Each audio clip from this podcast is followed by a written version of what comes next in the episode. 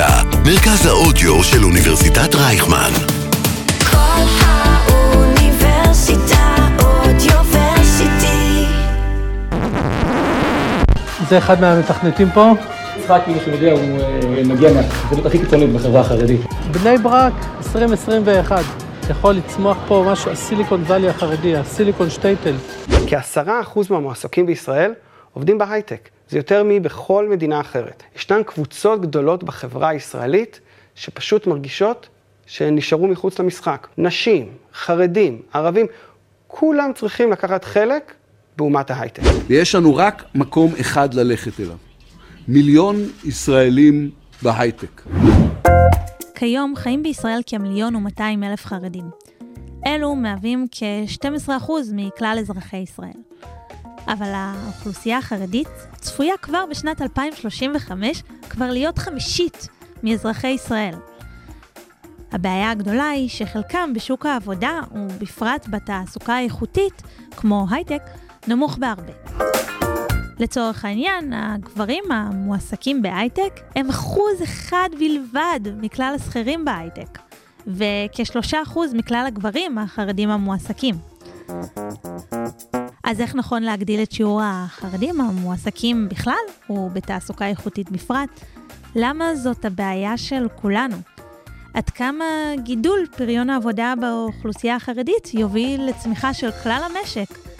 ולמה הייטק, מושך ככל שיישמע, הוא לא בהכרח הפתרון. על כל הנושאים האלו דיברתי עם דוקטור הילה אקסלרד, ראש המרכז למדיניות כלכלית של החברה החרדית במכון אהרון, כאן באוניברסיטת רייכמן. מעברון ומתחילים. אקדמיקס. אקדמיה בגובה העיניים. עם קרן אסף. בפרק הזה אנחנו קצת חוזרות אה, אה, לנושא שקשור לאיך שהצגתי אותך בהתחלה, ראש אה, המרכז אה, למדיניות כלכלית בחברה החרדית במכון אהרון. אה, אבל לפני שאני אדבר איתך על אה, מדיניות כלכלית של חרדים ותעסוקה של חרדים, אני אשמח לדבר איתך בכלל על החברה החרדית קצת. אוקיי. יש אה, אמרה אה, שאמר מי שהיה אז ראש הממשלה, שבניקוי הערבים והחרדים מצבנו מצוין. וזה נשמע להרבה אנשים אולי הגיוני, כי הם הולכים לסופר והם לא רואים חרדים, והם הולכים לעבודה ולבית ספר ולצבא והם לא רואים חרדים. אבל לא מדובר באוכלוסייה ש... שהיא שולית ואפשר uh, להתעלם ממנה. לא. Um, אז היום חיים בישראל בערך מיליון ומאתיים אלף חרדים, שזה בערך 12 אחוז מהאוכלוסייה. וב-2035, לא עוד הרבה זמן, הם כבר צפויים למנות 18 אחוז מהאוכלוסייה. כמעט אחד מחמישה. והתחזית ל-2065 mm-hmm. זה שהאוכלוסייה החרדית תהיה כמעט שליש. Uh, בגילאים 0 עד 17, הם יהיו כמעט חצי, 48 אחוז. כלומר, um, אפשר להגיד, זו לא תהיה הבעיה שלי, אבל um, זה כנראה כן ישפיע על איך שהמדינה שלנו נראית, ועל הצורה שהכלכלה שלנו נראית. ו, וכן, צריך לזכור את הדברים האלה כשאנחנו uh, חושבים על, uh, על מדינת ישראל בעתיד. Uh, למרות שאנחנו לא רואים אותם היום בסופר. אם את הולכת לסופר ב, בלהבים נניח. ולמה, אמרת בעיה, למה בעיה? מכיוון שהמאפיינים של, ה, של האוכלוסייה הזאת, במיוחד במובנים של פריון עבודה ושיעורי תעסוקה נמוכים שלהם, הם לא מאפשרים למצב שקורה היום להימשך. כלומר, אם אנחנו מסתכלים אה, על אוכלוסייה בגילי עבודה, 25 עד 64, יש בערך 410 אלף חרדים בגילאים האלה, ושיעורי התעסוקה של הגברים החרדים מאוד נמוכים, אנחנו מדברים על 52 אחוזים, לעומת 87 אחוזים אה, בקרב אה, יהודים לא חרדים. והשכר הממוצע שלהם הוא 62 אחוז mm-hmm. משכרם של יהודים לא חרדים. עכשיו, בקרב נשים, אה, אצלם שיעורי התעסוקה הם יחסית גבוהים, אה, כמעט כמו של נשים חילוניות. מצד שני, אצל נשים חרדיות יש בעיה באיכות התעסוקה. כלומר, יש הסללה שלהן לעבודה בתוך הקהילה, בדרך כלל בחינוך והוראה, שזה משרות שה... התגמול הכספי שלהם הוא נמוך, הרבה פעמים זה משרות חלקיות, אז השכר שלהם פר שעת עבודה הוא, הוא יחסית דומה לשכר של הנשים החילוניות, אבל השעות עבודה הרבה יותר נמוכות, וזה גורר אה, גם חוסר מיצוי הפוטנציאל הכלכלי, פוטנציאל ההשתכרות, אה, וזה גם משפיע על רמת החיים ושיעורי העוני אה, בקרב החברה החרדית. וגם אם דיברת על הגדילה של החברה החרדית, המשכורות האלה צריכות לה, להכיל, לממן יותר אנשים. נכון. אם אנחנו מסתכלים על פוטנציאל צמיחה, אז פה למשל יש לנו פוטנציאל צמיחה אדיר. תחשבי, אם האנשים האלה ייכנסו לשוק העבודה, זה יהיה מדהים. ולאיזה מקצועות היינו מעוניינים לך שהם ייכנסו בשוק העבודה? אנחנו מדברים על תעסוקה איכותית, כלומר, על תעסוקה ש... שהיא אה, גם נותנת ביטחון תעסוקתי וגם משלמת משכורת אה, אה, גבוהה או משכורת הולמת. היום המשכורת הן נמוכות, ו- ולכן יש פה, יש פה בעיה. אה, ודיברתם במחקר שלכם, ראיתי, על בעיקר לשלב אה, חרדים אה, בשוק ההייטק. לא, אז זה לא בעיקר. אוקיי. זה המחקר הספציפי ש...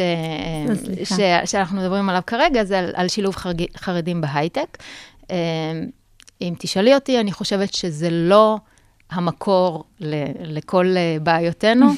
אה, גם, גם בשוק הכללי, ההייטק זה הסיירת של, סיירת מטכ"ל של שוק העבודה. לא, רוב האנשים לא עובדים בהייטק. אה, הייטק זה, זה דוגמה למקום מאוד מאוד אה, ייחודי, איכותי.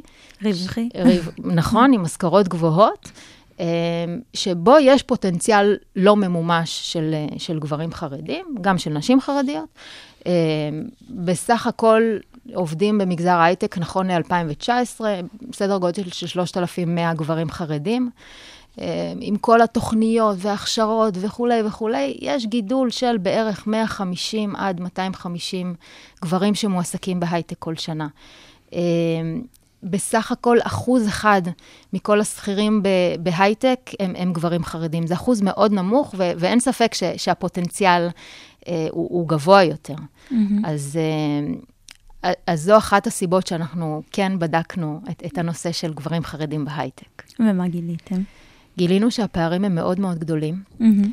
וקודם כל, המובן מאליו זה? הנושא של לימודי ליבה, אוקיי? אז אה, אנגלית, מתמטיקה, אה, זה קודם כל.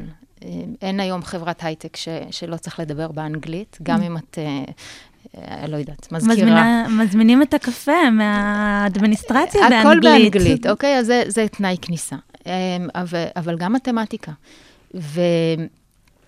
ואחת הבעיות, שהרבה פעמים יש כל מיני קורסים והכשרות כאלה שמבטיחים הבטחות נהדרות, כמו בוא אלינו לשלושה חודשים, ואחרי שלושה חודשים תצליח להשתלב במשכורת של עשרות אלפי שקלים. זה לא קורה.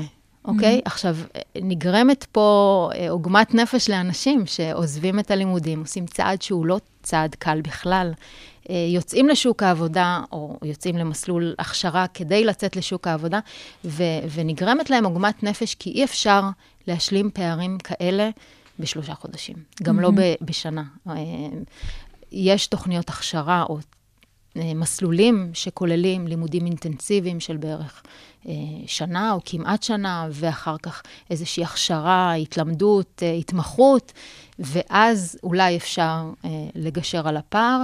מעבר להשלמה של אה, השכלת יסוד, צריכה להיות גם אה, הכשרה לכישורים אישיים ובין-אישיים. שהרבה פעמים אין אה, לגברים חרדים, למשל אה, פתרון בעיות אה, מורכבות, למשל יוזמה, למשל עבודת צוות. אה, אפילו לפתוח את הלינקדאין ולחפש, זה, זה, אה, אה, מי הקונקטים אה, שלהם, מי, אה, מול מי עובדים. הרבה פעמים אין, אין, אין בכלל הבנה או הכרה של המסלול הזה שצריך לעשות. אה, יש כן תוכניות הכשרה שנותנות את הליווי, גם אחר כך, כשנכנסים לשוק העבודה, את, ה, את התמיכה, המנטורינג בתוך, בתוך החברות, כי גם כאן יש קושי. אבל בואי, אנחנו כבר מגיעות לאחרי שהם התקבלו למקום עבודה, רוב הקשיים הם, הם עוד הרבה קודם.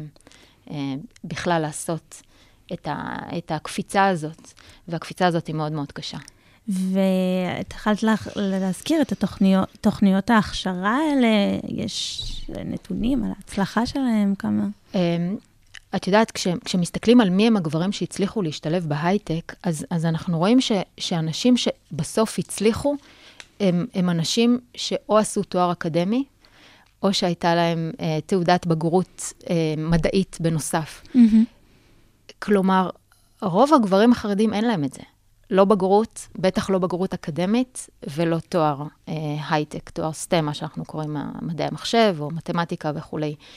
אה, ו- ולכן אה, כל כך, כל כך מעט אנשים הצליחו לעשות את זה. גם התוכניות ש- שעושות את ההכשרה, יש להן שיעורי הצלחה, אבל הן תוכניות אה, מאוד מאוד קטנות, שקשה לעשות להן scale-up, מהמם. ו- ולא נבדקה עלות תועלת. כלומר, אני לא יודעת, או יש לי ניחוש, אבל לא בדקנו, אה, מה העלות שלהם לעומת התמורה בסופו של דבר. ויכול בהחלט להיות שהיתרון היחסי של גברים חרדים הוא לא בהייטק. כלומר, אם המדינה צריכה להשקיע כסף, יכול להיות שלא שווה להשקיע דווקא בהייטק, אלא שווה דווקא להפנות את גברים חרדים שיש להם כזה פער גדול, דווקא למקצועות אחרים שבהם יהיה יותר קל לצמצם את הפער. מהמם. יש עוד תעסוקה איכותית חוץ מהייטק, אפשר לחשוב על כל מיני דברים. אה, יש מקצועות שבדקתם לגביהם? אה, אז אנחנו מתחילים עכשיו לעשות את העבודה הזאת, אה, כדי להגיד איפה יש אה, יכולת טובה יותר לעשות את ה- את השיפור. וכן, יש אנשים שמתאימים להייטק ויש אנשים שיכולים להיות בהייטק, גם גברים חרדים, אבל ברמת המדינה, לא בטוח ששם דווקא כדאי להשקיע את מרב המאמצים. יש נכונות, אה, גם אני משערת, אם אנחנו מדברים על אה, תעסוקה איכותית, אה, הייטק זה ממש יום-יום באנגלית, אבל הרבה ידרשו רמה בסיסית של אנגלית, מתמטיקה. יש נכונות להכניס את זה לתוך מערכת החינוך החרדית? יש פה הרבה פוליטיקה, אנחנו משתדלים להימנע מפוליטיקה. אה, אחת הסיבות שאנחנו אה, בשלב הזה מתמקדים בנשים חרדיות, אה, היא הסיבה הזאת, שקשה מאוד להתגבר על השלב של מערכת החינוך, ואצל נשים הבעיה הזאת לא קיימת, במובן הזה של נשים לומדות ליבה, ונשים רוצות להשתלב בשוק העבודה, ו... ואצל גברים עדיין מאוד קשה לפצח את זה. אנחנו יושבות כאן באולפן שתי נשים. אני רוצה לשאול שאלה מעט קשה, אבל uh, ש, שאני בטוחה שמטרידה הרבה נשים וגברים uh, שמדברים על שילוב חרדים. אנחנו רואים בהרבה מקומות, אם זה תוכנית משפיעים בשירות המדינה, ואם זה באקדמיה, ואם זה בהרבה מקומות, שכשהגברים החרדים נכנסו לתמונה, אנשים יצאו ממנה. נשים, אין איזשהו פחד, השלכות, פחד מהשלכות ש, ששילוב חרדים בשוק העבודה יפגע בשילוב אנשים, שגם השוויון, השוויון שלהם רחוק מלהיות מלא. לא, אני לא חושבת. קודם כל, בטח לא בהייטק, שעדיין משווע לעובדים ועושה outsourcing של הרבה מהמשרות לחוץ לארץ, ואם יהיו עוד עובדים זה באיכות טובה. אני לא חושבת שזה יגרום לנשים לצאת. גם לא במקצועות אחרים. Mm-hmm. את יודעת, כש... אחרי מלחמת העולם הראשונה, כש, כשנשים נכנסו לשוק העבודה, אמרו, מה יהיה על הגברים? הנשים לוקחות לגברים את כל המשרות. Uh, במקרו-כלכלה זה לא עובד ככה. Uh, כש, כשיש צמיחה והשוק מתרחב, אז, אז נוצרות משרות לכולם. Uh, זה לא, לא אמור לבוא אחד על חשבון השני. זה גם, אני, לפי מה שאני מבינה, זה גם ממש לא כל החרדים שדורשים הפרדות, זה, זה, זה איזושהי סטיגמה שלא... לא מבוססת. אני חושבת ש, שלא שם הבעיה. יכול להיות שיש גם אה, קושי מסוים מול מעסיקים אה, שנרתעים או חוששים, אבל אה, כמו שאת יכולה להתחשב בעובד שהוא טבעוני, mm-hmm. אה, או בעובד שיש לו מגבלות אחרות, ככה את יכולה להתחשב גם בעובדים שלא רוצים לשבת ליד אה, אישה, או שמבקשים אה, מיקרוגל כשר. אני חושבת שלא על, על זה זה ייפול ויקום. יש איזה שהן, מקבלי ההחלטות, שומעים אותנו כרגע, מסר למה כדאי לעשות כבר בשנים הקרובות? צריכה להיות תוכנית. את יודעת שמדברים על זה הרבה, אבל אין תוכנית, לא לגברים ולא לנשים. תוכנית עם יעדים ועם אסטרטגיה, איך משיגים את היעדים האלה. יש הרבה דברים שאפשר לעשות, גם, גם אצל נשים, שכביכול אפשר להגיד, המצב שלהם מעולה, הם בשוק העבודה, נעזוב את זה, זה כבר יסתדר. אה, ו- ולא, יש הרבה דברים שאפשר לעשות אה, כדי לשפר את התעסוקה, לתת להם תעסוקה איכותית בשכר יותר גבוה. בסוף בסוף אנחנו דואגים uh, לכולנו, זה, זה לא רק משק בית חרדי, חרדי זה, זה טוב למדינה, זה טוב, זה טוב למשק, uh, ו, וכן כדאי להשקיע בזה. כן, צריך להבין uh, שזה שלא רואים אותם בסופר לא אומר שאנחנו לא מממנים לא. את זה, או, או לא נהנים מהמיסים שהיו יכולים להיכנס. לגמרי. דוקטור הילה אקסלרד, תודה רבה לך על השיחה הבאמת מעניינת הזאת. אה, ואת גם אה, נשארת כאן איתי, אה, ואנחנו הולכות להמשיך ולדבר על אוכלוסייה נוספת שלא משתלבת כמו שהיה כדאי שתשתלב בשוק התעסוקה, האוכלוסייה המבוגרת.